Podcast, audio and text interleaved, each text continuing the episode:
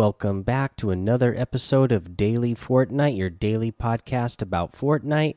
I'm your host, Mikey, aka Mike Daddy, aka Magnificent Mikey. So, not a lot of news today. So, what we'll mention here, or what I want to talk about here, is a, a theory that I came up with a few days ago while playing with Brian from the Discord. Because uh, he pointed out to me that if you you know start out right now on Spawn Island, you know we are on the helicarrier. And if you run around the helicarrier, it's pretty cool, right? Because there's little vents that you can fly around in and float with. Um, you can run around the inside and run around inside the helicarrier, which is pretty cool to be where the you know the shield agents are and whatnot.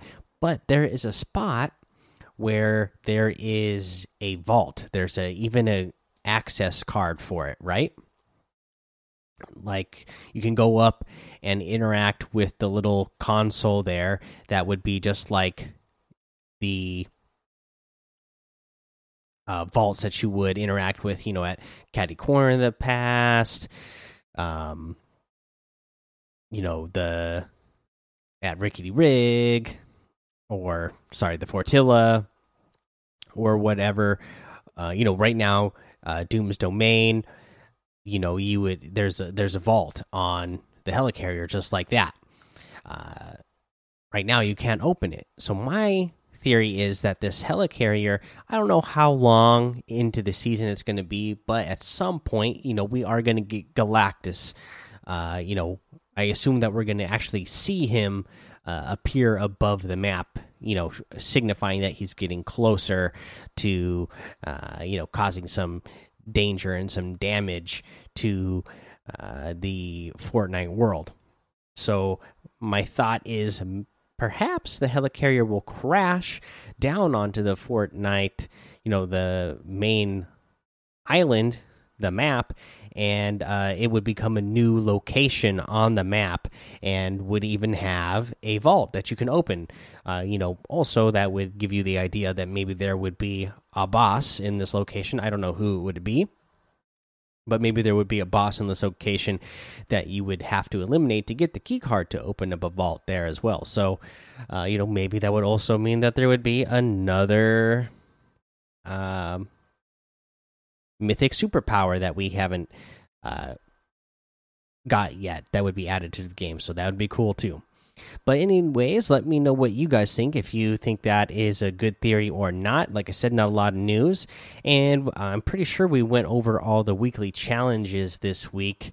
If uh, I missed anything, let me know maybe I didn't go over everything. I'm, I, have been making so many YouTube videos that uh, I I don't remember if I went over them on the podcast now or not. But I have YouTube videos for all of these up on my YouTube. Uh, so let's go ahead and mention one here since uh, I I now don't remember if I did. But let's talk about the one where you need to bounce on different bounce on different dog toys at Ant Manor. So Ant Manor again uh, is over there on. Uh, B C uh, five right up there in the corner by Holly Hedges, and the the dog toys there. There's a tennis ball inside the dog house.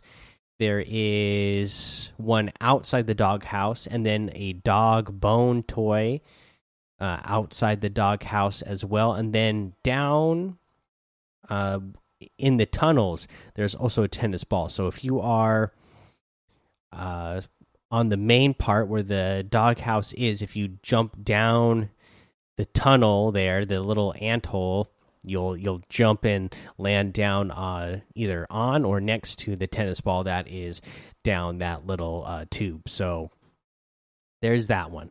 Uh, and then, like I said, to you guys, if I haven't gone over everything, or if there's one that uh, you really need, uh, and want me to go over on the podcast, uh, message me and let me know because uh, now I'm forgetting. Uh, you know, I have YouTube uh, videos for all of them, but uh, I feel like maybe I didn't go over them all now. I thought I had, but who knows? This week has been a blur. Anyways, uh, let's go ahead and take a break here. All right, let's go over today's item shop. In the item shop today, we have the Hulk Smashers harvesting tool. Now, remember, you could have gotten these if you played the play, uh, the Avengers beta, the open beta when that was available, but they have now come to the item shop. Uh, Hulk Smasher's harvesting tool, Hulk Smash, and remember it has selectable styles. It, so it has the normal Hulk hands and the Hulk Buster uh, hands as well. They do look really cool. These are 1,200 V bucks. So these look really cool, but just you know, for the fact of knowing that, uh, you know, that you could have gotten these for free. Hopefully, you played that uh, Avengers beta and got them for free because they are cool. But 1,200 V bucks. Oh my goodness, they are asking a lot. Uh, for me, anyways. Uh, let's see here. Uh, so that is in the item shop right now, but they are really cool. I just really hope that uh, if you had the chance to play the open beta, that you you went ahead and did that and, and got, got them for free. Uh, you have the Hush outfit with the black stripe back bling for 1,200. This is a really cool outfit. The Silent Strike harvesting tool for 500 and the Weathered Black wrap for 300. Uh, we have the uh, Zero outfit with the black hole black black hole back bling for 2000 V bucks and the zero point wrap for 500. We have the Rapscallion outfit with the Burgle bag back bling for 1500, the Icebreaker harvesting tool for 500, the No Sweat emote for 500, the Breaking Point emote for 200. We have the Say So emote still in here for 500. And the Maven outfit with the Techie back bling for 1200. This one's cool too. You can get any and all of these items using code Mike MikeDaddy, M M M I K E D A D D Y, in the item shop, and some of the proceeds will go to help support the show. I will say the Hulk Smashers, the animation for them is really cool uh, because instead of just the normal swinging your pickaxe back and forth, you know, it does swing. Uh, it looks like you are actually hitting with Hulk hands, and the you know the there's usually a different animation for the third swing. So the third swing it smashes down like you would with a Hulk smash type of move. So that is really cool. But again, oh, man, just knowing that that you could got him for free is makes that 1,200 V bucks seem really steep. Anyways, let's get to our tip of the day. And our tip of the day, again, bringing it back to the fishing. And I saw Cypher PK uh, show this, but we talked about how you can use those uh, Doom gauntlets to fish. But of course, you know, there's only one set of those, so maybe you're not going to get them all the time. And they're a little bit harder to get in the first place because either you got to go contend with all the other people trying to eliminate Doctor Doom, and then on top of that, eliminate Doctor Doom.